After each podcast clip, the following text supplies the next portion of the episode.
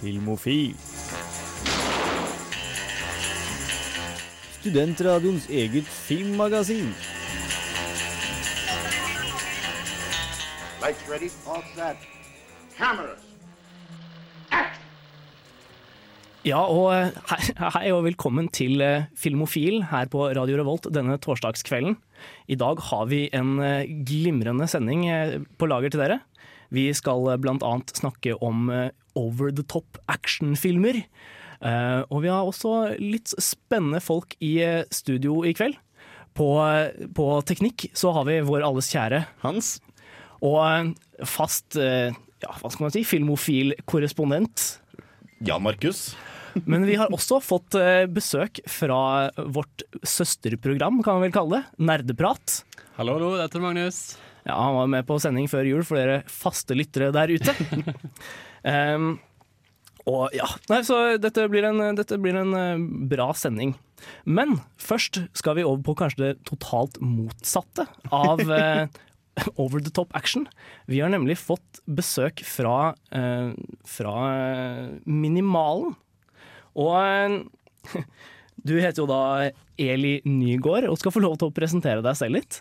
Takk skal du ha. Det stemmer. Jeg er fra Minimalen kortfilmfestival, som eh, årlig arrangeres i Trondheim, på Nova kino. Eh, I år så er det den 29. gangen. Oi. Så vi har holdt på veldig, veldig lenge. Ikke verst. Eller lenger enn dere, sikkert. Ja, det er, jeg tror du kan si ganske trygt at dette er lenger enn enn Radio Revolt totalt. Det er jo Ja. Ja, Kan du kort forklare litt hva, hva minimalen innebærer? Ja, absolutt. Um, vi viser totalt 200 kortfilmer. Eh, over det, faktisk, eh, i år. Fra 34 land. Eh, så det er filmer fra både Norge, lokalt her i eh, Trøndelag også, eh, resten av Norden og eh, i resten av verden. Europa, Egypt, Russland. Ja, mange forskjellige land. Har dere et sånn skikkelig lite kuriøst land? Sånn, har dere noen filmer fra Mikronesia-føderasjonen eller eh, noe sånt veldig spennende Lichtenstein Liechtenstein. Hva er det minste landet dere har en film fra? Um, Nå vet jeg at jeg spør litt vanskelig. Ja, si det. Skal vi se, skal jeg skumme Vi lagde sånt, eh, en oversikt med alle eh, Med flagg fra alle verdens eh, land som filmene er repres- representert fra. Det minste landet hmm. Nei, det var litt vanskelig. Eh, det kan- Vatikanstaten, noe filmindustri. Ja, der har vi sett mye interessant, eh, faktisk. Seksualopplysning ha... fra ha- Vatikanstaten. Eh, Snart kan vi ha et retrospektiv derfra. Men eh, din oppgave under festivalen er festivalkoordinator. Hva, hva innebærer den posten, egentlig? Ja, det er jo et vidt begrep. Um, men det innebærer å eh, være gjestekoordinator. Eh, jeg tar imot og har kommunikasjon med alle gjestene våre. Det er eh, jurymedlemmer, det er eh, filmskapere. Og andre som har visefilm i spesialprogrammer. Ja, det er en viktig oppgave, det vil jeg tro. er veldig viktig. Kanskje og like viktig, men kanskje nesten viktigere sånn med avviklingen av festivalen, er å ha um, ansvar for de frivillige. Vi har mange veldig dyktige frivillige fra byen her. eh, mange studenter som hjelper til. Ja, Hvor mange er liksom involvert i å lage, lage en kortfilmfestival? Ja, vi, er kanskje, vi må vel være over 40, tenker jeg. Hvis vi tar med de frivillige som eh, kommer og hjelper oss under festivalen. Ja, så det, er, det er et ganske stort arrangement, altså. Det, det er det, til å være en minimal kortfilmfestival. Men eh, ja, litt, mer inn på hva slags filmer dere viser. Altså, har dere, har dere noen kategorier de går inn i, eller ja, har dere noen, noen spesielle programmer, f.eks.? Ja, eh, utenom eh, de konkurranseprogrammene som er faste, eh, nordisk og internasjonal, så har vi spesialprogrammer. Og i år så viser vi tsjekkisk animasjonsfilm, Oi. for de som er interessert i det. Eh, og de som ikke har sett noe av det, bør absolutt ta en titt og få med seg hva det er for noe. For de er verdenskjent for eh, sin kvalitet på animasjonsfilm. Ja, og animert kortfilm er jo en egen subsjanger i seg selv. Eh, Jeg var så vidt innom en tur i går og så et par av filmene dere, dere satte opp da. Så jeg tenker vi skal snakke mer om de etter en aldri så liten låt. Her får dere Heartbreak Hotel av Lars Vaular og Vince.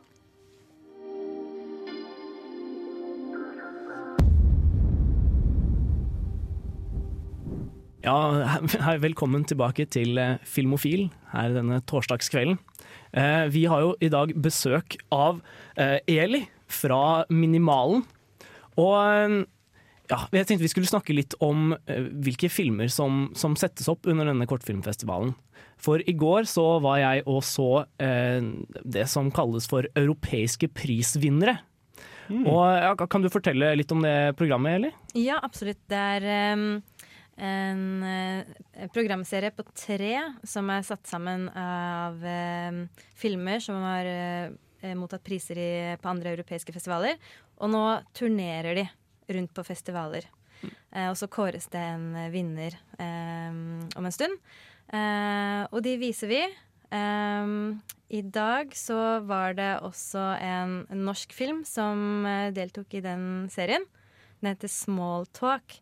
Den er utrolig festlig. Den kan hende at den snart blir frigitt, sånn at eh, flere kan få gleden av å se den.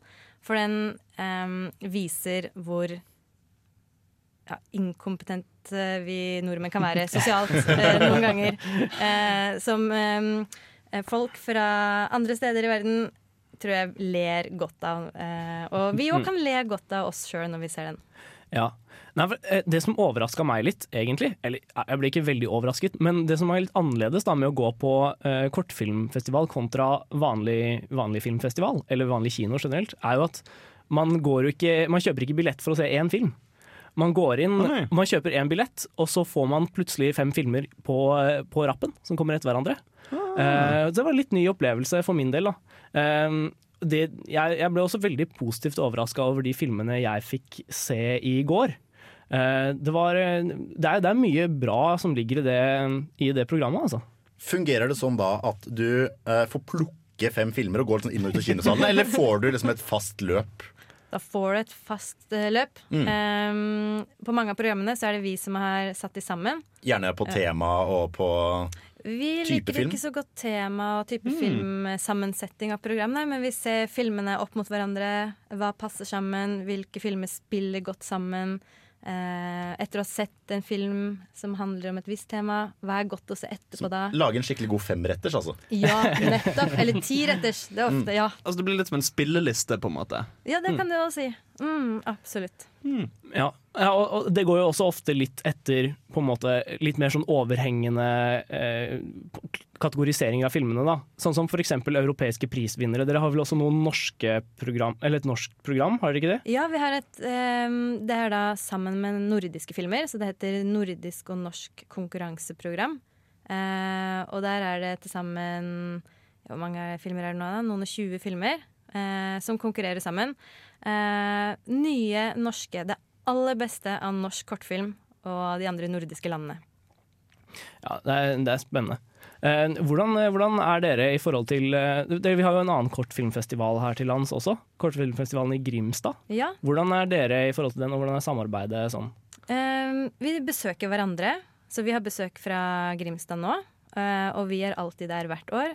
Ehm, programmessig så samarbeider vi ikke, men eh, vi ehm, eh, Vi viser ehm, kanskje mer Vi programmerer eh, film fra utlandet mer, eh, mens de har et mye større norsk program. Ja. Mange flere norske filmer.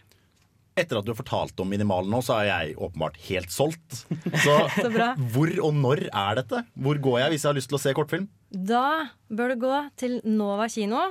Eh, vi starta på onsdag eh, og har holdt på i hele dag. Eh, men det er fortsatt masse igjen. Vi holder på til søndag. Eh, på søndag så får du se alle vi- vinnerne. Da har vi prisutdeling klokka tre. Så hvis du eh, føler du har mista noe nå på de to første dagene, så kan du i hvert fall få med deg prisutdelingen. Det høres ut som en fantastisk kur på fyllesyke. Eller bare generelt sliten. Slenge seg ned i en kinostol og bare se alt som er plukket ut. Det beste av det beste. Det er jo ikke noe som er bedre enn det. Helt enig. Nei, men eh, da tror jeg egentlig det bare gjenstår å si tusen takk for at du kom på besøk til oss her i Filmofil. Vi eh, håper dere kommer tilbake til neste år for å reklamere litt for festivalen da også. Så er det bare for alle å slenge seg eh, til, på nærmeste buss til Nova og komme seg på minimalen.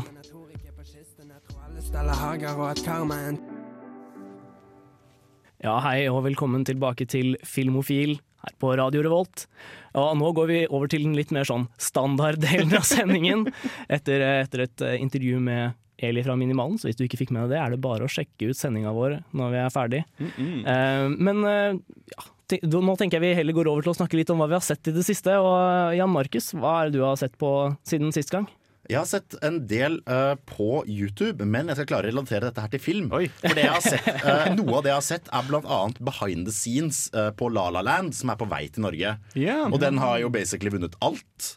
Og i hvert fall av Golden Globes, er det ikke det? Ja, vi skal snakke litt om den senere når vi kommer til Oscar nominations. Eh, og jeg har jo prøvd å liksom ikke se for mye av disse behind the scenes-greiene, men bare måten den er filmet på. Eh, gjør at jeg får kjempe kjempe lyst til å se den. For det er noen sånne kameravendinger der som er ut av denne verden, hvor du ser uh, en kameramann stå og filme på et orkester. Og så står regissøren bak og liksom slår han på skulderen. Så ser han kaster seg 180 grader rundt, filmer folk som danser, slår han på skulderen. Tilbake, fram, tilbake. Eh, og det ser ut som noe ekstremt spennende kameraføring. I tillegg, mens jeg var inne på YouTube, så snubla jeg også eh, over Jeg hørte en uh, låt som jeg begynte å kjenne igjen og trodde var Ok, er dette her Akira fra 1988? Animasjonsfilmen. Yeah. uh, det var det ikke, det var Ghost in the Shell, men jeg fant hele Akira engelsk dubbet på YouTube. Så jeg begynte å se den, eh, og så da hele. Ja, Eh, og det erfarte at én engelsk dubbing er eh, helt forferdelig på den filmen. Ja, eh, engelsk dubbing på den filmen er faktisk helt forkastelig.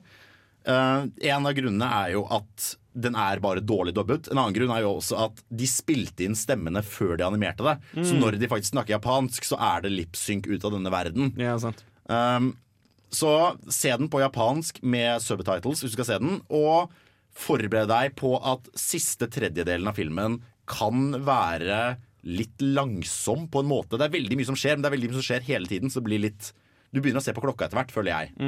Og jeg er så totalt uenig i det.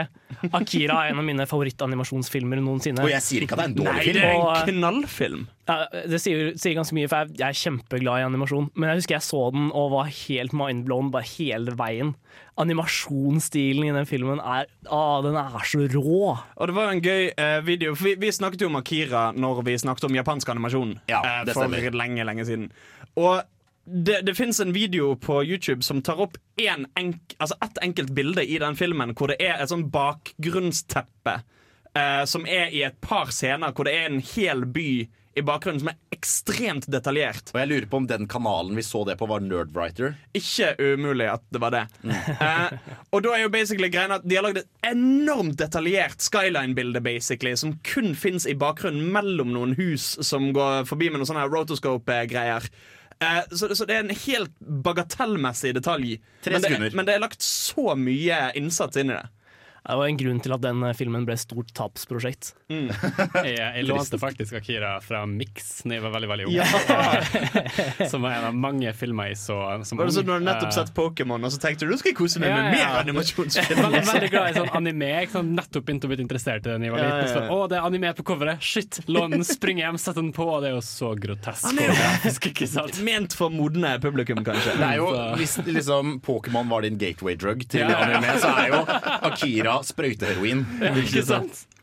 Men uh, Tor Magnus, har du sett noe spennende i det siste, eller? Uh, altså Jeg har jo sett Firefly på nytt, da. i tillegg til, til filmen, eh, for å få en fin avrunding på den. Serenity. men ja Men jeg har sett en film som jeg ikke har sett før, som er også en animasjonsfilm, som er fra Studio Ghibli, som heter Kikis Delivery Service. Den er søt. Ja, men, ja, for den er litt sånn som havner under radaren Altså i, i forhold til altså, eh, Chiro-heksene og House Moving Castle og alle de der Prinsesse Monoke. så havner den litt sånn Ikke vekke, sant? føler jeg. Jeg hadde ikke på en måte hørt om den før, men jeg hadde sett figurene her og der. ikke sant? Eh, altså Når jeg så den nå for første gang, så var det sånn holy shit. Altså Det er jo en Studio Ghibli-film, så du vet jo at du får grafisk porno uh, i øynene. Det hørtes veldig feil ut. altså det ser, det ser, Nei, jeg kan ikke grave ut av det her. Det ser bra ut, anyway. Um, men, men ja, ikke sant? Det, det, er veldig undervurdert og anbefales absolutt å sjekkes ut. Ja. Ja, kikker jeg kanskje mer i den liksom, mer sånn barnefilmdelen av det Ghibli har drevet med. Ja. Men den er fortsatt veldig veldig verdt å sjekke ut. En veldig viktig lekse den, den lærer unge Ja. studenter som flytter hjemmefra. Ja, nei, jeg har også sett litt greier siden sist. Men mest minneverdig var faktisk eh, jeg, jeg så opp igjen The Royal Tenenbounds. Å, den er fin! Eh, Det er en film av Wes Anderson, som mange er veldig fan av. Mm. Eh, Mannen bak Moonrise Kingdom og, og eh, The Grand Budapest Hotel. Og jeg, jeg skrev en oppgave om den da jeg gikk på filmvitenskap, så jeg på en måte så den helt i hjel akkurat i de, eh, den, den perioden. Men nå hadde det gått to år siden, og den, var Det var så deilig å se den på nytt. Det, jeg, jeg satt der med gåsehud liksom, i så mange tilfeller. Det jeg har virkelig innsett at det er en av mine favoritt-Wes Anderson-filmer. Ja. Så, eh, så nei, det er en varm anbefaling til alle som føler de har sett for lite Wes Anderson. Det er noe jeg skjemmes for å være her og være gjest hos dere, fordi jeg kan ikke noen av navnene på de filmene du nevnte der. Ja, nei, det er ikke så lett å være nerdeprater på, på Filmofil alltid. Men eh, nå skal vi gå til låt. Vi skal få høre 'Easier for You' av Field Fair.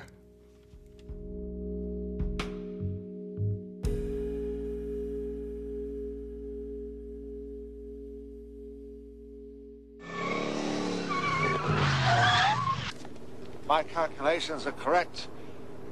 When this baby hits 88 miles per hour, you're gonna see some serious shit. Du hører på Filmofil på Radio Revolt. What did I tell you? 88 miles per hour! Ja, der hørte dere em, litt Back to the Future-stuff her på Filmofil. Men eh, nå er det tid for eh, litt filmnytt. Og Hans, hva har du til oss i kveld? Du, eh, det har jo skjedd en del spennende ting siden sist. Det har vært noen nominasjoner som har blitt offentliggjort. Eh, det har blitt nominert både Oscar og Razzies. Eh, så jeg tenkte vi kunne ta en kikk på en del av det som har blitt nominert her. Det er jo et par av våre favoritter som har blitt nominert til beste film. Ja ja, Markus. Vi kan jo også opplyse om at uh, Oscars er den prestisjetunge Academy Awards, mens Razzies er rett og slett filmen din sugde så mye at den fortjener en pris for hvor mye den sugde. Stemmer det. Eh, på beste film så er det jo et par av våre favoritter som har blitt eh, nominert. Eh, Arrival er en av filmene som er nominert. Huh. Eh, Hell or High Water har klart å snike seg til en nominasjon. Den tror jeg ikke vinner, men den tror jeg absolutt Den den fortjener en nominasjon. Ok. Og Manchester by the Sea var vel på et par av listene våre. Uh, nei, den teller som 2017-film i Norge. Så den uh, hadde vi ikke med på eh, listene Nettopp, våre. nettopp. Men jeg er ganske sikker på at den kommer til å være på Trine sin 2017-liste, for hun er veldig veldig glad i den filmen. Sånn har det seg. Eh, det som er tilfellet, da, er jo at de har jo tatt, eh, de har jo tatt litt steg for å eh, Hva skal vi si diversifisere eh, Oscar-utdelingene i år. Så vi har jo faktisk en film med en del Get This. Svarte skuespillere i. Eh, på Best Movie Eller Best, Picture-nominasjonen. I ekte filmer. Fences. eh, med da Denzil Washington i hovedrollen, som han òg har blitt nominert til Oscar for. Vi har et par eh, gledens nyheter her. Eh, det har jo vært en tendens til at når det skal nomineres til beste animasjonsfilm, eh, så er det kanskje noen bra filmer som blir snytt. Eksempel Lego-filmen eh, ble snubbet eh, når det skulle nomineres, og fikk ikke en drit annet enn Best Original Song. I år har heldigvis Kubo and the Two Strings havnet på listen over nominerte for beste animerte film. Nice. Vi krysser selvfølgelig fingrene for at den vinner. Ja, og det jeg syns kanskje er aller morsomst, er at Kubo and the Two Strings også har blitt nominert for beste visual effects. Det stemmer. Og er det én ting den filmen fortjente, så var det en, en nominasjon der. Fordi det er så sjelden animasjonsfilmer får nominasjoner i andre kategorier enn beste animasjonsfilm og beste sang. Og det kan en jo skjønne, Fordi altså, altså, ofte så er det jo bare snakk om plott noen 3D-modeller inn i eh, noe grafikk, og så er det greit. Men her er det jo faktisk snakk om så jævla mye finarbeid som skulle til for at den filmen skulle bli til. Ja, men samtidig så må du jo Altså, i, når du filmer live action, så får du veldig mye gratis i set-design, f.eks. Hvis du filmer på location. Det er der fra før. Mens i animasjon så er du nødt til å lage hver eneste detalj i bakgrunnen. Så det at de ikke får set-design f.eks. oftere, det skjønner jeg ikke helt. Det er jo noen som har blitt litt irritert òg, fordi på beste eh, foreign language-film så har både svenskene og danskene fått hver sin film inn på nominasjonene. Men hva med nordmannen? Nordmannen fikk ikke. Vi hadde jo em, Kongens nei, som ble forsøkt nominert, men den gikk ikke gjennom. Det gjorde derimot eh, en mann ved navn Ove fra Sverige. Og en dansk film jeg ikke vet hva som er originaltittelen på, 'Land of Mine'. Under sanden heter den på Mitt, mitt land? Nei, den heter Under sanden på både norsk og dansk. Ja, det er den som handler om tyske soldater som tvinges til å rydde miner. Ja. Det er mange som anser den som en slags sånn eh, favoritt til å, til å stikke av med Eller i hvert fall som en eh, solid outsider til å stikke av med den prisen. Yeah. Den handler jo tross alt om andre verdenskrig eh, og er basert på en sann historie. Så er det noe som er favorisert her, så må det jo være den. Mm. det som er verdt å nevne òg, er at på Best Original Song så er det en av sangene Linn Manuel Miranda skrev for filmen Moana, som er blitt nominert. Dette henger i tråd med det mange har spekulert i, at eh, Linn Manuel Miranda, som vi alle vet eh, er fyren som lagde Hamilton-musikalen, kan bli den yngste personen i historien til å vinne en EGOT. Altså både en Emmy, en Grammy, en Oscar og en Tony. Han har alle de andre, han trenger kun Oscaren. Det er ikke bare bra filmer som har blitt nominert eh, for priser dette året. Vi har jo Razzies, disse kåringene som deles ut til de dårligste filmene året har hatt å by på. Og der er det ikke nødvendigvis de store overraskelsene på nominasjonen. Eh, nominert til verste film har vi Batman v Superman Dawn of Justice, Dirty Grandpa, Gods of Egypt, Independence Day Resurgence, Zoolander 2 og Hillary's America, The Secret History of the Democratic Party. Oh, går litt politisk også, Litt Trond. grann politisk. Jeg er ærlig talt overrasket over at uh, Suicide Squad ikke var på listen. Um, men stort sett som forventet der, altså. Ja. Det jeg kanskje ikke var så fornøyd med med Razziene, er at eh, Ben Affleck har blitt nominert for verste skuespiller. Ja, det fortjener han ikke. Nei, han var jo en av de bra tingene med, med Batman v Superman. Ja, altså, det var jo ikke en kjempeprestasjon nødvendigvis, men det var filmen sin feil, på en måte. Ja, nei. Det, mm, ja, jeg jeg syns ikke han var å klandre der, i hvert fall. Nå får dere 'Hallucinate' av GL.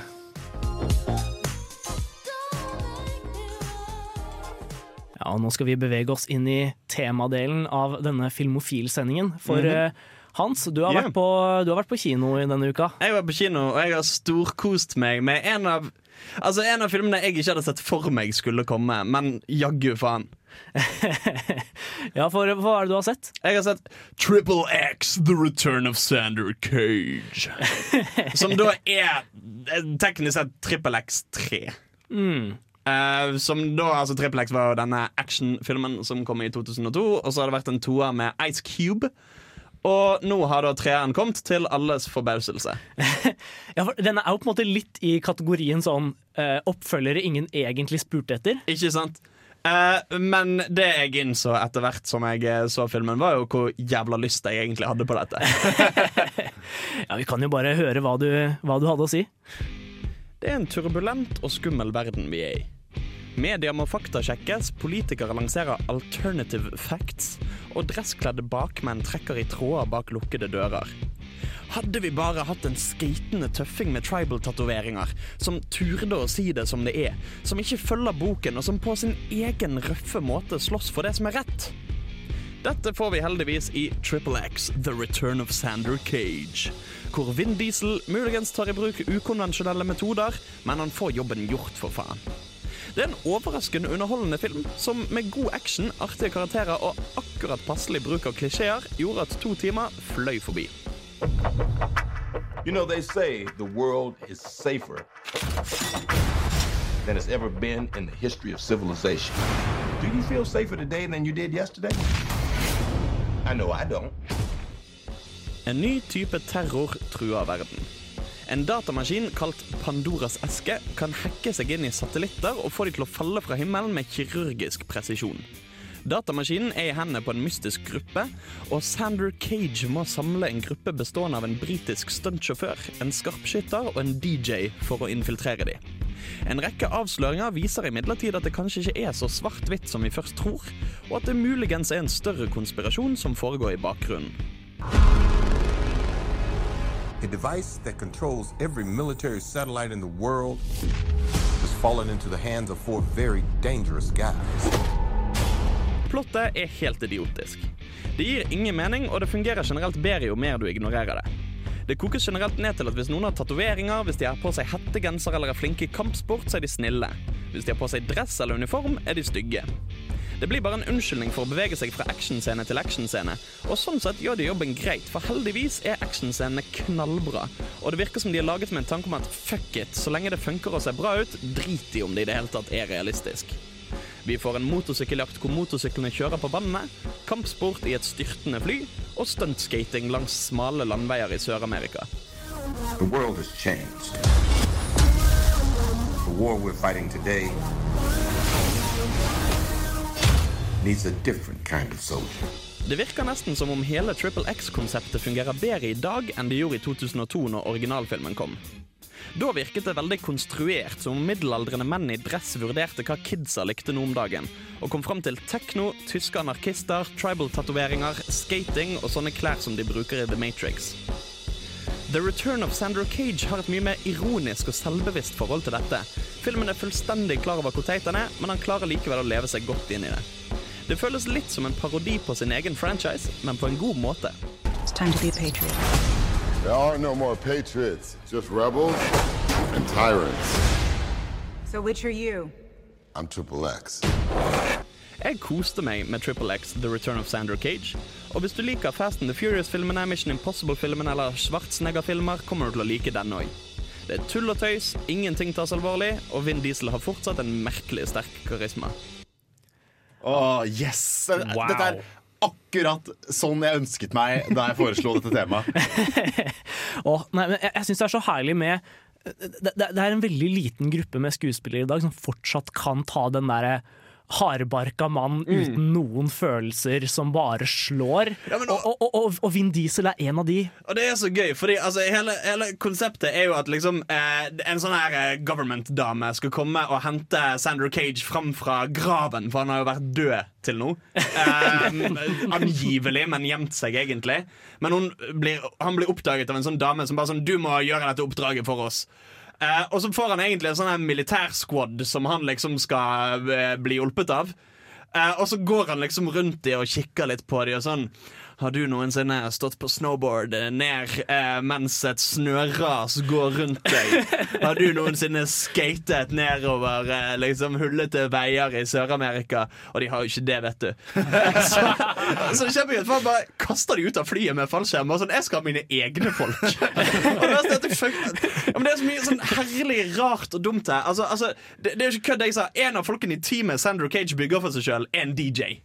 Og det, det er den eneste liksom, egenskapen han har. Han er en DJ. Og så skal de infiltrere en sånn terrorcelle. terror som basically er et stort rave-party på en øy i Mikronesia. Um, og så eh, infiltrerer han med å DJ-e så hardt han bare kan. Det er liksom bare sånn Jeg skal skape en distraksjon, jeg. Så bare løper han opp til en sånn DJ-booth og begynner å spinne plater, liksom. Det, det høres ut som sånn der klein hacking i filmer. You gotta DJ harder!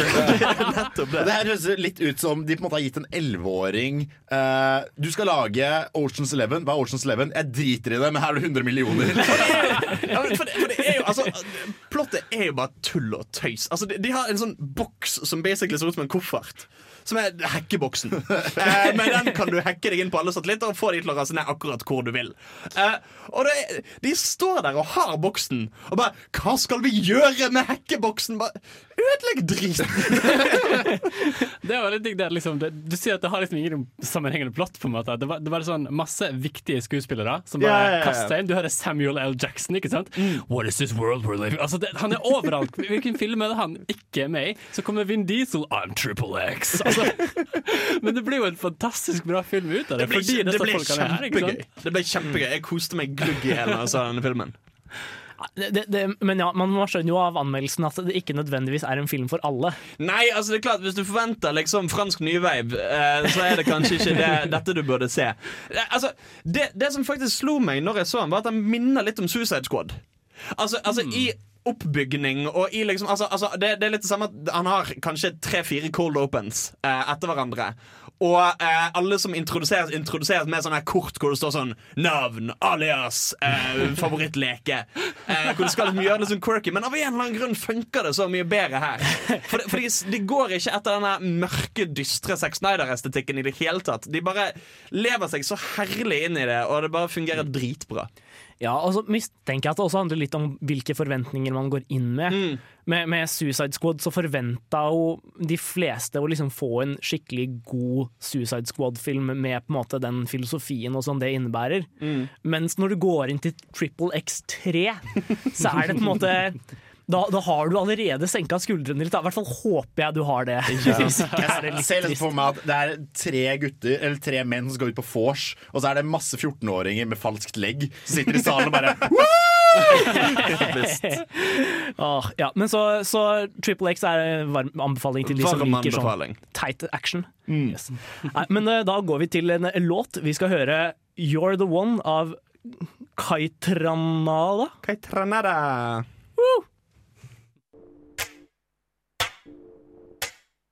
Ja, og eh, i forrige eller Før låta så hørte vi jo eh, Hans sin anmeldelse av Triple X, og den bringer oss of Sander Cage.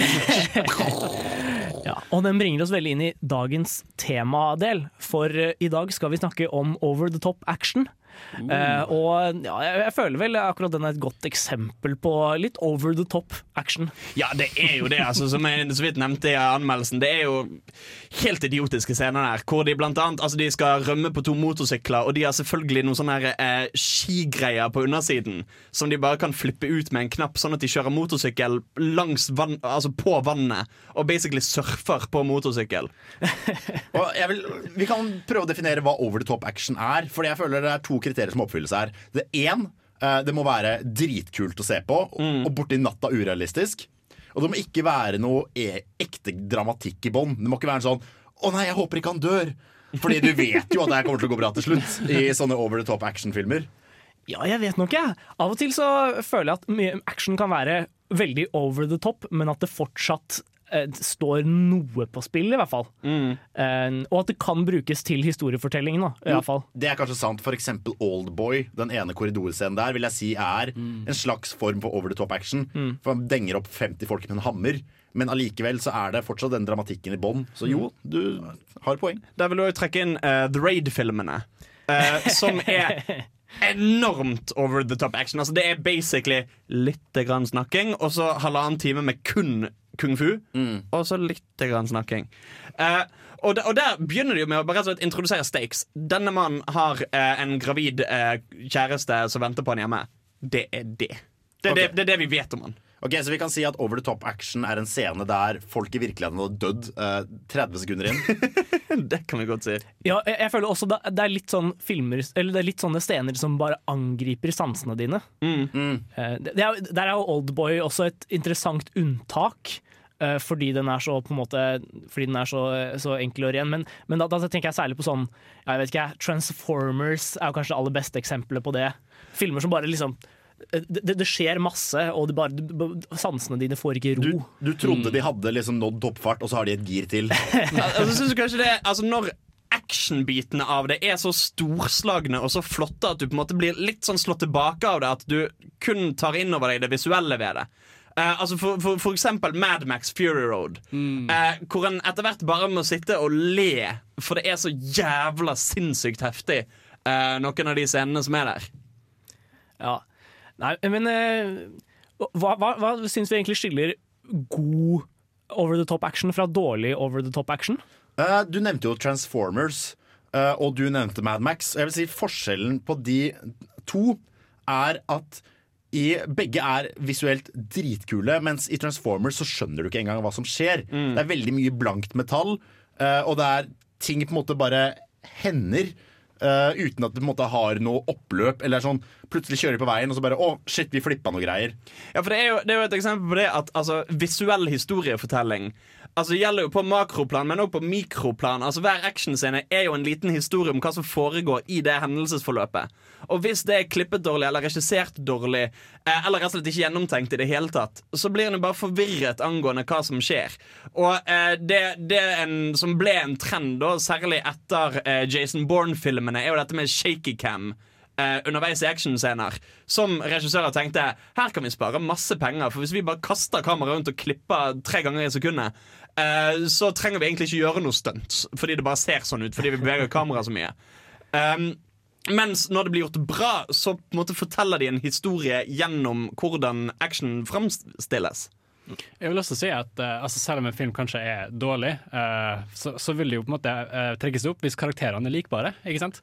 For eksempel, vi, vi har alle sett The Room. og på en måte eh, Det er jo ikke en actionfilm, men for eksempel, da, karakterene er jo veldig lett å på en måte elske fordi de er så dårlige. Og på en måte det, det kan man trekke opp for det, tenker jeg da. Hvis karakterene bare er likbare. Og så er det jo også actionscenen som et plot-virkemiddel, istedenfor at nå, skjer, nå er det handling. eh, og så bare skjedde det noe, og så fortsetter handlingen. I motsetning til f.eks. Raid, som du snakket om, hvor action er handlingen. Og karakterer utvikler seg gjennom f.eks. slåssescener. Og det at du bryr deg litt altså jeg vil jo si at altså For eksempel i en film som Triple X uh, Return of Sandra Cage, hvor plottet betyr så lite, så har det fortsatt en del å si at faen ta, Vin Diesel er en sjarmerende mann. Og du heier på han Du heier på han og du vil at han skal vinne. Ja, Vi skal snakke mer om både hvordan action kan brukes til historiefortelling og mer etter The XX med Dangerous.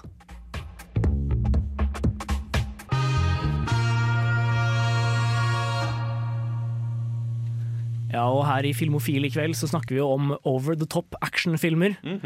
Men eh, vi har allerede snakka litt om, om eh, ja, hva vi syns er god og dårlig action, og da særlig over the top action. Men eh, for å på en måte skjønne hvor, eh, ja, hvor sjangeren er i dag, så er det, tenkte vi også kunne vært fint å få litt om historien bak. Så hvor kommer action fra, August? Nei, eh, Hva er action? Nei, den, den eh, amerikanske actionfilmen Eller ja, actionfilmen som vi kjenner den i dag, har egentlig litt forskjellige røtter. Um, deler av inspirasjonen var de gode gamle westernfilmene. Det er jo enkelte som hevder at The Great Train Robbery, eh, kjente, kjente stumfilmen fra 1903, er den første actionfilmen som kom. Eh, det vil jeg vel kanskje ikke si meg helt enig i, men eh, eh, Er du ikke enig fordi du ikke mener det er en actionfilm, eller fordi det var actionfilm som kom før det? Fordi det ikke er en actionfilm. Altså, greit nok, de raner et tog, men det er liksom ikke så mye action. De, det er litt skyting, men det er liksom ikke Det er i hvert fall ikke over the top action, da, for å si det sånn. Um, en annen tradisjon som man på en måte kan følge inn i, inn i actionfilmen, er, eh, er på en måte politifilm, eh, politifilmsjangeren. da. Og da særlig litt sånn buddy cop-sjangeren, som ble veldig populær på 80-tallet. Men en vel så viktig inspirasjon, det er Hongkong. Oh. For i Hongkong der lagde de martial arts-filmer. ja! Særlig da Bruce Lee med sånn som Enter the Dragon på tidlig 70-tall. Oh, ja. Eh, Så du har på en måte to tradisjoner som møtes litt, da. Både med, både med uh, Hongkong sine martial arts-filmer og på en måte shootout-sekvensene fra, fra western og, og sånn politifilmer. Og dette, I løpet av 70-tallet så begynner disse å møtes. Um, og ja, man fikk Chuck Norris kom jo på banen som på slutten av, på slutten av 70-tallet og begynte virkelig å liksom etablere actionfilmsjangeren. Uh, men vi ser liksom ikke en virkelig liksom, En virkelig oppblomstringen kom jo på 80-tallet. For eh, altså, ja, hva, hva, hadde vel actionsjangeren vært uten Rambo og Terminator og ja, den gjengen der? Ja, særlig med altså, blockbusterne, når det begynte å komme. Uh, så må vel det ha hatt en innvirkning. Altså, da tenker jeg på typ Star Wars, for eksempel. Vil jeg jo absolutt si en actionfilm. Ja, samtidig er ikke actionsekvensene i Star Wars like over the top. Eh, på den måten som man kan, kan se i eksempel da ja, Jeg har jo ikke sett Rambo, dessverre, men i hvert fall, i sånn som Predator. da Hvor du, har, hvor du har en sekvens med, som varer i over et minutt, med folk som bare skyter ut i jungelen uten å treffe noe. Og jeg vil også trekke fram Blues Brothers, som vraker Ja. 100 biler bare for å gjøre det. Ja. Men så, så i løpet av 80-tallet så har man fått en sånn tydelig tradisjon etablert for over the top action. Og eh, ja, eh, Denne tradisjonen kom, på en måte følger videre inn i 90-tallet, men da kommer også de store virkelig sånn apokalypsefilmene. Som eh, ja, hva skal man si eh, Independence Day. Independence Day er. Politiskolen, helt klart. Ja, apokalypse er helt klart ordet jeg ville brukt om politiskolen. Men, eh, Men ja, videre ut på, på 2000-tallet så kom vi inn på tradisjoner som vi allerede har nevnt. Og Der, der splitter actionfilmsjangeren seg litt. Eh, ene følger litt den derre 80-talls eh, hardbarket mannssporet med den shaky cam-estetikken. mens andre er mer over på de der store, storslåtte eh, tagningene, da.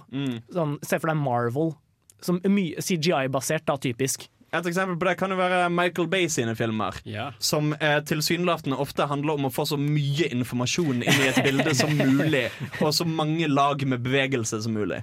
Samtidig så kan du også si at Michael Bay har en slags sånn shaky cam-følelse over filmene Mm. sine, fordi det er, så, det er så ristete og så mye som skjer, og så kjapp klipping. Det er på en måte veldig stort, men veldig mye bevegelse samtidig. Ja, så, så Michael Bay er litt slags sånn mellomspor mellom Så du føler på en måte at Det ene er rett og slett folk som skyter hverandre, og det andre er mer naturkatastrofer og den slags?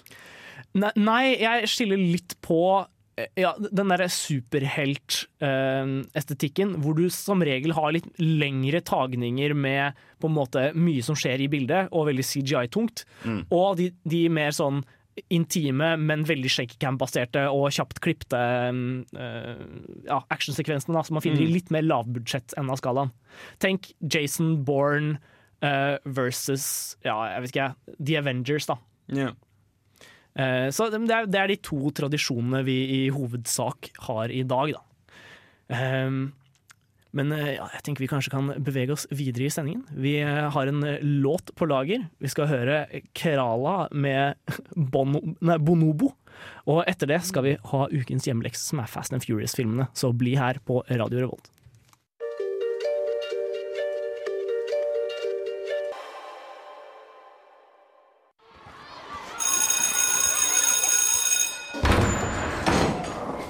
There will be no foolish wand waving or silly incantations in this class. No, okay, that's it for the day then. Today, we have a similar debate over this. Anyone know what this is, class? Anyone? Anyone? Anyone seen this before? Ukens hjemmelekse. Ja, og en, hva er vel mer passende som ukens hjemmelekse når det kommer til over the top actionfilmer enn Fast and the Furious-serien? Og her syns jeg jo vi skal gjøre et skille, fordi Fast and Furious 1 og 2 handler jo basically om folk som kjører biler. Uh, treeren er et sånn utskudd som bare plutselig foregår i Tokyo med helt andre folk og sånn. Eh, og så har vi Fast and Furious 4 til Hvor er vi på nå? 7? Ja. Ja. Som basically er Vet du hva, fuck it. Dette er ikke lenger bilfilmer med action, dette er actionfilmer med biler. Ja, og, og er, jeg tror det er en, er det en avgjørelse de tok som var veldig lur, så var det nettopp det. For du så jo, man har jo sett på inntjeningen til serien. Hvordan det gikk fra å være sånne der suksessfulle filmer i forhold til, liksom, i forhold til sitt budsjett, til å være blant de mest innbringende filmene i verden. Og det er jo mye fordi at de har hatt en appell utover USA. Altså De selger masse i andre land, spesielt på det asiatiske markedet. Eh, og det kan jo være av at de etter hvert har fått seg litt mer mangfoldig cast av mennesker òg. Og så er det jo også det at du trenger ikke nødvendigvis kjenne til humorkultur og Mm. forstå, uh, forstå liksom de fine subsjangerne innenfor dialog. Du trenger bare digge cool action. Det er Ja. universelt. Ja, men, men tilbake til det med all, eller universal, eller, ja, mangfold. Var det, fordi det, det slo meg litt da jeg så disse filmene. Jeg, må, det må sies det, jeg, jeg har sett Fast and Furious-filmene for første gang nå yeah. eh, siden, siden jul. Kom meg til femmeren i går. og ennå ikke sett de to siste. Hva, hva synes du var eh, forskjellen fra 1, 2 og 3 og 4 og 5? Nei, altså, det er en slags sånn gradvis overgang der fra eh, altså, altså, eneren er jo den er veldig produkt av sin tid, da. Du merker på en måte at new metal, det var jævlig fett. Og sånn der-. Ja, og, og, og litt den der overgangen fra new metal til enda mer sånn der, bare hard, hard elektronikamusikk. Det var skikkelig fett akkurat da. Så, liksom hver eneste scene som skal være litt kul, så kommer det på sånn sykt, sykt harry musikk. Og, og så, så, sånn tidskapsel, så er den på en måte litt interessant, da. Men det jeg syns de klarte der, var å etablere et ganske liksom, et, Ikke et veldig spennende cast, men liksom en gjeng med karakterer som jeg faktisk likte ganske godt. da Nå må det sies at jeg er veldig glad i Vin Diesel, men, yeah. men eh, det, er liksom, det, er en- det er en gjeng med karakterer jeg liker godt. Og så i toeren så var de liksom Da var de litt ute på villspor. Uh, Mener Fordi- du Too Fast, Too Furious? Too Fast, Too Furious. Ja, fordi der er de Jeg tror ikke de helt hadde skjønt hva folk faktisk likte. Så de på en måte tok bilsekvensene til et enda mer sånn der tegnefilmaktig nivå. Og, og da mener jeg tegnefilmaktig, eh, ikke i en sånn der over the top action-nivå, men litt sånn tegneserieestetikk. Det bare så litt mer sånn animert ut. Um, og, og, og, kvitta seg med Vin Diesel, og det er jo det dummeste de kunne gjøre. Aldri kvitt deg med Vin Diesel. Har du mulighet, ta med Vin Diesel. Han trekker det opp. Eh, og treeren er, den er også bare helt ute å kjøre. Han, han, hovedpersonen der, han likte jeg ikke, ass. Skikkelig sånn der dust. Men så finner de tråden igjen. Ja, i fireren så begynner det å komme seg. Da, de, da skjønte de hva, hva, hva som var bra med eneren, og, og bygde videre på det og gjorde det litt mer mainstream. Men det kom ikke virkelig til sin rett før i femmeren. Og det må sies, det er lenge siden jeg har sett en film som naila akkurat det den skulle være, så hardt som Fast Five. For den er, den er, det er de, de tok på en måte det der over the top action-premisset og bare sa nei, ok, nå gjør vi det om dette fra en bilfilm til en, til en ren mer sånn action-heist-film. Og, og, og alt satt. Kan du ikke bare gi et eksempel på en god over the top action fra den, eh, den femmeren? Du har jo, du har jo hele den der eh, klimaks-scenen hvor de har en eh, vei Eller de, de skal stjele en svær safe. Så de har to biler som drar denne safen gjennom hele Og dette er ikke en liten safe, denne safen safen er liksom større enn bilene omtrent. Så de skal dra gjennom hele downtown Rio med en haug med politibiler som jager etter dem. Og så kommer de til en bro, og Vin Diesel begynner å slenge på denne. Sånn, ødelegger alle politibilene. Det var kjempelatterlig, men jeg koste meg sånn. Er det i femmeren eller sekseren de, de har denne lange flyrullebanen som, eh, som vi alle kjenner så godt? Den er nok i sekseren, for jeg har ikke sett det. Ah, ok, Da skal ikke jeg spoile mer. Jo, jo, kjør på. Kom an. Fordi, fordi det, det er jo så over the top. ikke sant? Det er jo den lengste flyrullebanen i verden. Hvor lang den scenen her er, hvor lang den rullebanen er, hvor mye som skjer på den rullebanen. Altså, jeg veit ikke, herregud. Det er sånn Jesus Christ. Og i sjueren, som jeg anmeldte en gang i tiden, så finner de ut at de blir jaget av skurker. Så de, hopp, de stjeler da en bil og hopper gjennom ruta fra en skyskraper til en annen. og bokstavelig talt, en av planene deres eh, for å gjennomføre deres store heistplan er å bokstavelig talt pælme biler ut av et fly med fallskjerm på taket. Å ja, hva er vel mer over the top action enn å pælme biler ut av et fly med fallskjerm? Man kan spørre seg. Nei, nå skal vi høre The Industry av Okkerville River.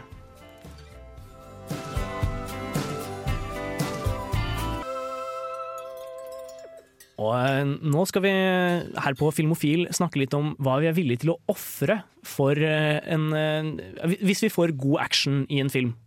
For det Hva skal man si, når man drar og ser en actionfilm, så er det ikke sikkert man forventer at alle de andre aspektene ved filmen skal være kjempebra.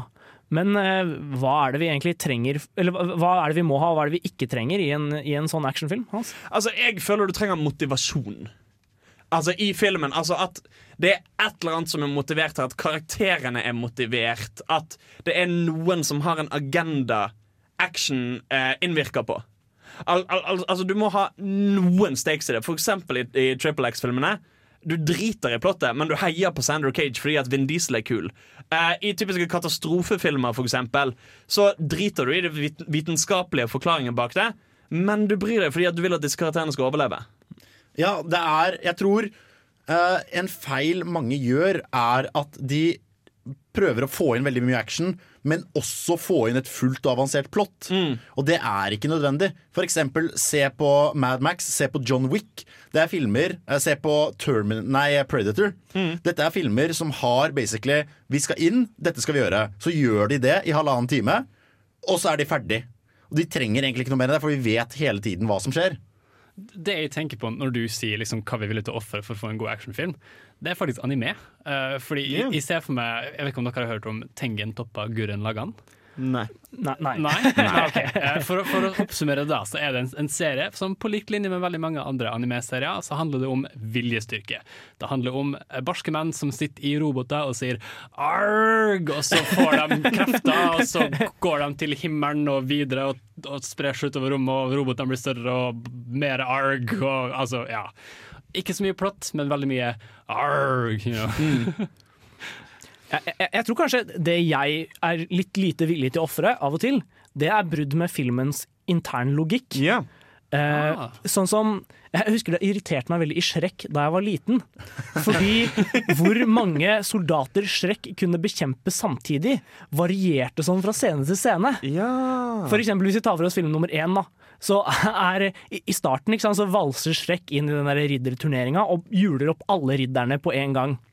Men så, i kirka på slutten av filmen, så kommer det liksom et par soldater, og han Mm. klarer ikke å hamle opp med dem. Jeg husker jeg ble sånn, sånn altså, Når du har etablert at han kan én ting i én scene, og så plutselig sier at han i en annen scene ikke kan gjøre det, da blir jeg litt sånn Nei, men hva, hva skjedde med at han kunne jule opp så mange soldater? Det, det føler jeg er litt sånn main character treatment. At på en måte, Bare fordi du er main character, så skal du vinne der og der. og der Men, men nå vil vi at du skal tape, fordi plot reasons. Og jeg har, jeg har et godt eksempel på en film som har på en måte skrella bort alt som ikke er action. Som bare heter Hardcore. Originaltittelen var Hardcore Henry. Ja! Eh, hvor hele filmen basically er eh, filmet fra et førstepersonssynspunkt eh, med GoPro i panna. Og jeg ble bilsyk som juling av den filmen. Jeg skjønte det ikke, jeg trodde først jeg var matforgifta, for jeg var så klar med kinosalen. Men jeg skjønte først etterpå at jeg var blitt kjempebilsyk. Men det er jo en film som basically handler om over the top action og grotesk vold sett fra eh, protagonistens synspunkt i ja, halvannen time. Ja, men, men i den filmen så tror jeg jeg, jeg fant noe annet jeg ikke er villig til å ofre. Og det er, et, det er et uttrykk som er liksom greit å se på. Ja, for Mm. jeg orker ikke se den på nytt. Nei, for den er så, den er, er det er ikke nok med at det er liksom ristete og, og, all over the place, men det er også litt sånn stygge bilder. Det er liksom GoPro-estetikk, og det er, det er ikke noe stas. En film jeg har lyst til å trekke fram i denne sammenhengen, er jo Crank. Med eh, ingen ringere enn han der britiske fyren fra Lockstock and Two Smoking Barrels. Um, Jason Statham. Jason Statham Som handler om at en fyr uh, får en greie i seg av en mafiaboss som gjør at hvis hjerterytmen hans går under et visst nivå, så dør han. uh, så hele filmen er basically han som prøver å holde pulsen oppe. Om det er gjennom å krasje en bil med vilje, om det er å ha sex i offentlighet med kjæresten fordi hun var der og pulsen droppet til det det ikke kunne være. Eh, så finner han bare på dustere og dustere måter. Og der fungerer det ikke fordi nødvendigvis Jason Statham sin karakter er en så god karakter, men rett og slett fordi at skurken er en så jævla kjip fitte at du har ikke lyst til at han skurken skal få liksom the satisfaction av å vite at han vant over Jason Statham. Ja. Nei, men nå skal vi høre Toy Savoy med 'Morning'.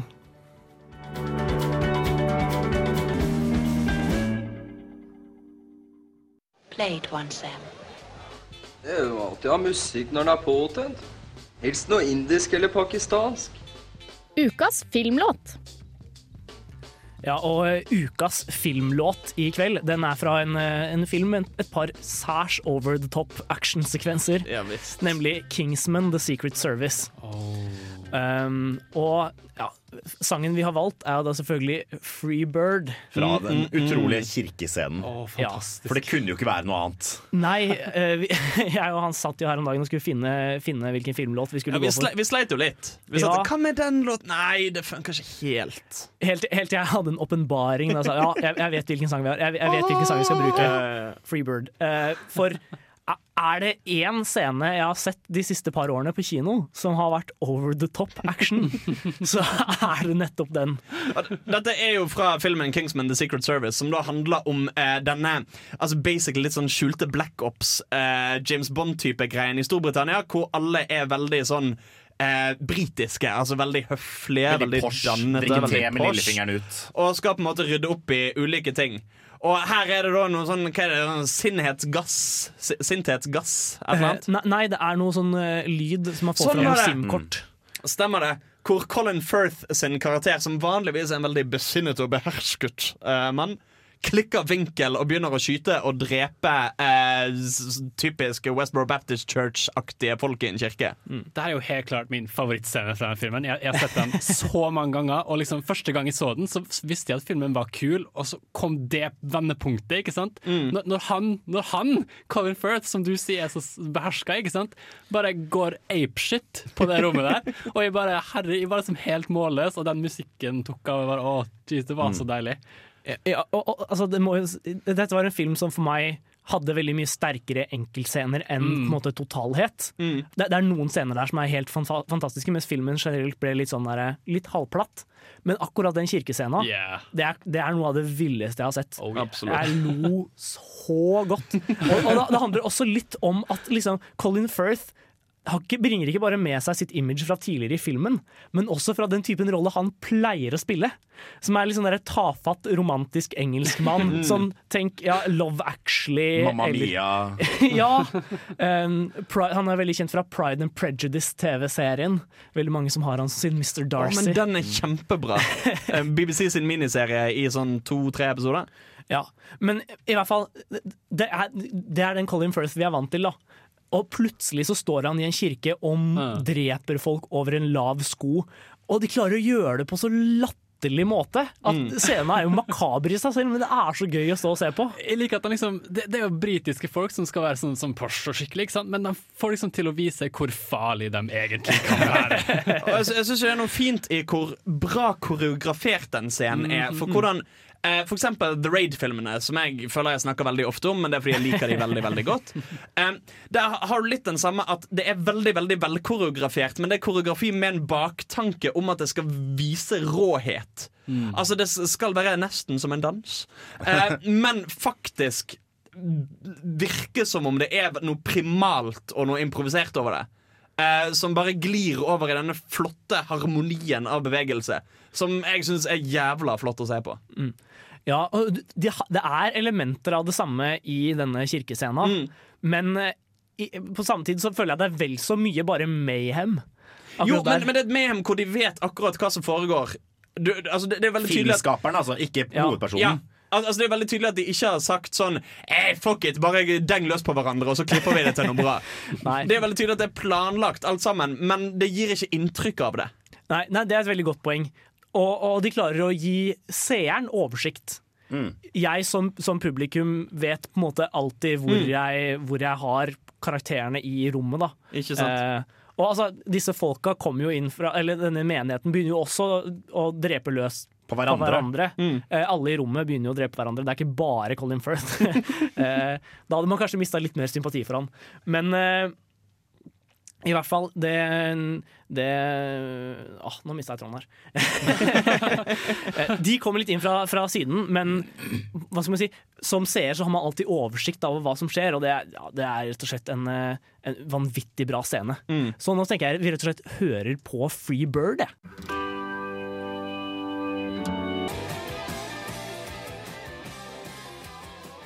Der fikk du altså Free Bird fra, fra kirkescena i Kingsman The Secret Service.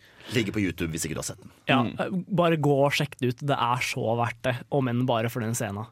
Men eh, nå skal vi bevege oss videre til et litt annet medium, for det finnes jo litt over the top action-sekvenser på TV-skjermen også. Det er ikke like vanlig som på film, men det finnes. Nei, for Dette var jo noe vi snakket om når vi skulle planlegge sendingen i august. At det var, Vi pleier å ha ukens serie, og det er litt vanskelig å finne, fordi serier typisk eh, har ikke like stort budsjett som eh, blockbuster-filmer.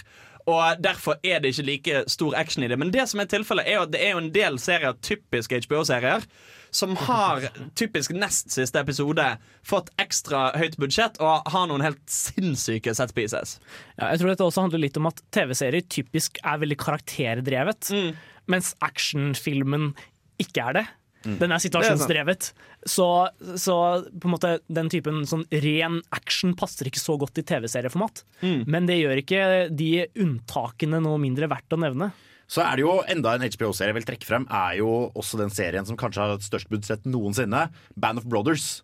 For der har du jo, eh, der har du jo i krigsscenene så er det jo action. Eh, men det er, jeg vil ikke si at det er over the top, men det er i Mm. hvert fall veldig veldig store actionscener som, snakker, som er på et filmbudsjett i hver episode. Så det er også, Der er det enkeltscener som skiller seg ut bare på actionverdien. Game of Thrones, når vi først er på HBO-serier med høyt budsjett, har jo òg et par helt vanvittige scener. Eh, jeg tenker da spesielt på eh, fra Det er vel episode ni i begge sesongene, altså både sesong fem og sesong seks, som har med John Snow å gjøre. Den første er når de besøker øyen Hardhome. Um, og blir angrepet av en hærskare av whites, altså sånne zombiefolk. Og eh, White Walkers. Litt andre zombiefolk. um, og der er det et sånt tilfelle av at altså, altså, Game of Thrones har jo veldig høyt budsjett i utgangspunktet, med veldig mye eh, detaljerte eh, omgivelser, veldig, mye, veldig stort karaktergalleri, veldig mye eh, kulisser og sånn. Men så bare plutselig på et tidspunkt raser det med statister og lange takes og enorme slagscener som bare nesten føles som det er fra, en annen, fra et annet vesen enn denne serien.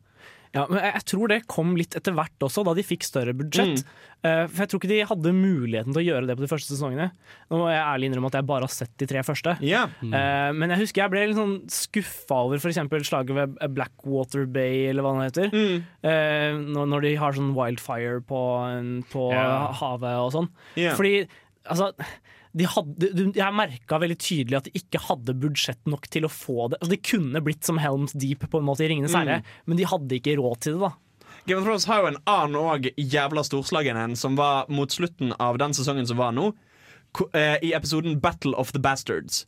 Hvor basically hele episoden er en slagscene. Hvor eh, Jon Snow går til krig mot ehm, Ramsay? Ramsay Bolton. Takk skal du ha, Markus. Dette var flaut. Ja, lær av meg til og med. Fy faen. Har ikke fy sett noen ting. Eh, hvor de to kriger sammen. Og det er Altså, altså du får veldig Jeg fikk veldig vibber til den åpningsscenen i uh, Saving Private Ryan. Hvor det er en svær krigsscene, og kameraet er, mynt, er peker, pekt rett mot Jon Snow. Men innimellom så snur det seg vekk for å se på ulike ting som foregår. Og det er en så enorm koreografi som må ha vært til her, og mange, mange statister. Og etter hvert så dannes det sånn likhauger som blir brukt taktisk av eh, eh, soldatene rundt omkring. Det er en helt sinnssyk sekvens. Ja, En annen TV-serie jeg har litt lyst til å trekke fram her, er Daredevil. Ja. For den eh, fikk jo veldig mye skryt for den ene, ene sånn eh, hallway-kampsekvensen den har i episode to, tror jeg. Det er sånn helt i starten hvor de liksom pangåpna veldig, da.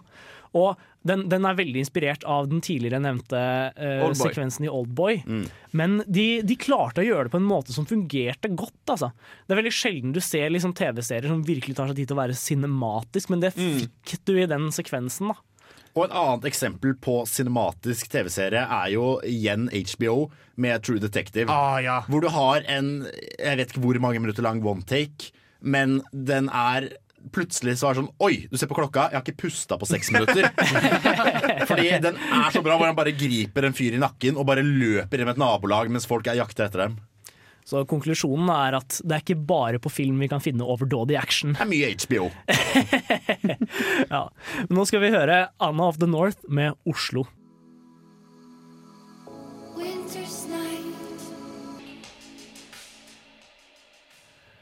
Ja, til slutt nå så tenkte vi skulle avslutte med å snakke litt om eh, våre personlige favoritter innenfor over the top action-sjangeren. Og eh, Hans, har du noen, eh, Du- har du noen favoritter? Jeg har en film jeg har lyst til å trekke fram som vi eh, på overraskende vis ikke har snakket om i dag. Independence Day. Eh, og en av grunnene til at jeg har lyst til å snakke om den, er hvordan den bruker visuelle effekter på en litt sånn gøy måte. Eh, hvor de unngikk å bruke mm, eh, CGI, ikke ved å ta Mad Max-metoden med å bare gjøre alt i virkeligheten, men hvor de eh, bestemte seg for å gjøre alt i miniatyr. Fordi eh, det er jo eh, Det som skjer er jo at det kommer svære ufoer til jorden. Og så skyter de laser ned på kjente landemerker på jordkloden, som gjør at de eksploderer. Og det er sånn saktebevegende ildkuler som brer seg utover eh, fra der de slår ned. Og dette fikk de til med å gjenskape disse i miniatyr. Fylle de med sprengstoff. Eh, og så filme eksplosjonen i saktefilm. Eh, og dette også med, altså De lagde basically bensinbomber, som da eh, skapte disse ildkulene. Og så filmet de det i sakte film og copy-pastet det på eh, scener fra gatene i New York. Ja, og Independence det er jo på mange måter en veldig velfungerende actionfilm. På, ja, eh, Tatt i betraktning liksom hvor dårlig toeren ble, for eksempel. Eh, Tor Magnus, har du noen favoritter? Eh, jeg har sittet her nå i eh, en god stund og tenkt på The Matrix. Ja. Eh, når vi snakker om over the top actionfilmer, så tenker vi The Matrix. Jeg tenker folk som flyr gjennom himmelen, og på en måte masse Smiths som sprer seg og slår hverandre, og hardcore dodging of bullets by leaning backwards very roughly. Altså, det, det er det som gjør det for meg. Altså, og, det, og det som på en måte er greia, er at jeg elsker filmene også. Jeg vet at det er så mange folk som på en måte ikke syns de er bra, men når, når jeg først så The Matrix, så var jeg helt hooked. Ja, og En viktig ting med The Matrix er jo at som nevnt så er jo Hongkong en veldig viktig inspirasjon for, for actionfilmen, da, som Mm. vi kjenner den. Og er det noen som tok Hongkong-estetikken til, til USA, så er det jo The Matrix. Ja, og fikk det inn i liksom virkelig store blockbuster-kulturen.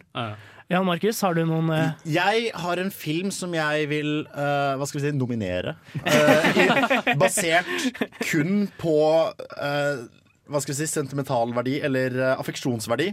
Og Det er en film jeg så uh, da jeg var i Forsvaret med noen venner. Vi hadde liksom lært at Åh, det er ikke sånn eksplosjoner fungerer i virkeligheten, osv. Uh, men det er da White House Down med Channing Tatum. Fordi jeg tror aldri siden, I hvert fall ikke siden jeg så Borat på kino, at jeg har ledd så mye. Eh, vi satt og kakla som eh, liksom midt blant vernepliktige, og satt og brølte og kakla av latter når eh, blant annet et fly flyr mellom husene i eh, Washington DC, hvor det ikke er lov til å bygge høyere enn sånn 13 meter eller noe. Så det flyr da i, på gateplan mellom husene. Og uh, etter at alt har eksplodert alle veier, og liksom, de har skutt på tanks med rakettkaster og kasta granater og sprengt et helt hus, uh, og bare helt borti natta urealistisk, så skal da denne eh, Fordi selvfølgelig er det atomvåpen på spill, skal denne eh, jagerflyet da bombe Det hvite hus for å sørge for at atomvåpen ikke blir skutt ut. I det han De har selvfølgelig, heltene har selvfølgelig klart å avvæpne atomkrisen. Så idet han kjører mot Det hvite hus, så kommer det en liten jente som Uh, er med i, skal, på, Som var med i skolemesterskapet sitt i flag-waving.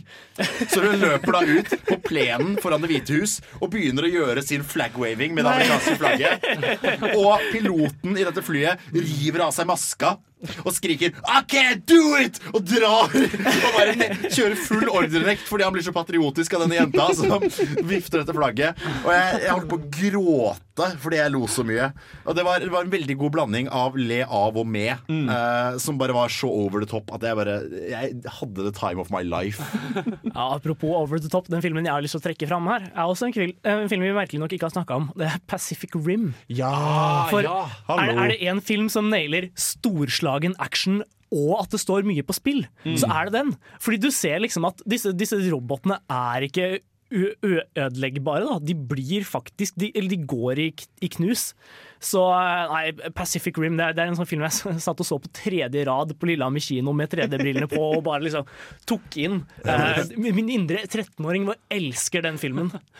Men eh, nå er det på tide å høre Pink Beatle av Reggie Snow. Hallowed be your name. Ja, Da har vi dessverre kommet til veis ende her i Filmofil denne torsdagskvelden. Eh, Vi har snakket om over the top actionfilmer, og om hvor fornøyelige de ofte kan være. Vi har også fått besøk fra Minimalen kortfilmfestival. Så hvis dere har tenkt å Eller hvis dere har lyst til å få med dere litt kvalit høykvalitets kortfilm, så er det bare å skynde seg på kino de neste dagene. Men eh, vi har jo også litt spennende nyheter til dere. For eh, vi, har, vi har tatt opp eh, nye her i Filmofil. Jan Markus og han skal dessverre forlate oss. Vi, kom, vi er nok innom fra tid til annen. Du blir ikke kvitt oss. Det er litt som han er skurken i Inspector Gadget. Ja, Men så det kan hende dere får hilse på dem. Um, men ja, vi, vi gleder oss til å, til å treffe dere igjen. Um, her skal dere få The Modern Times av Keyholes og Birds her på vei ut av Filmofil. Ha det bra. We end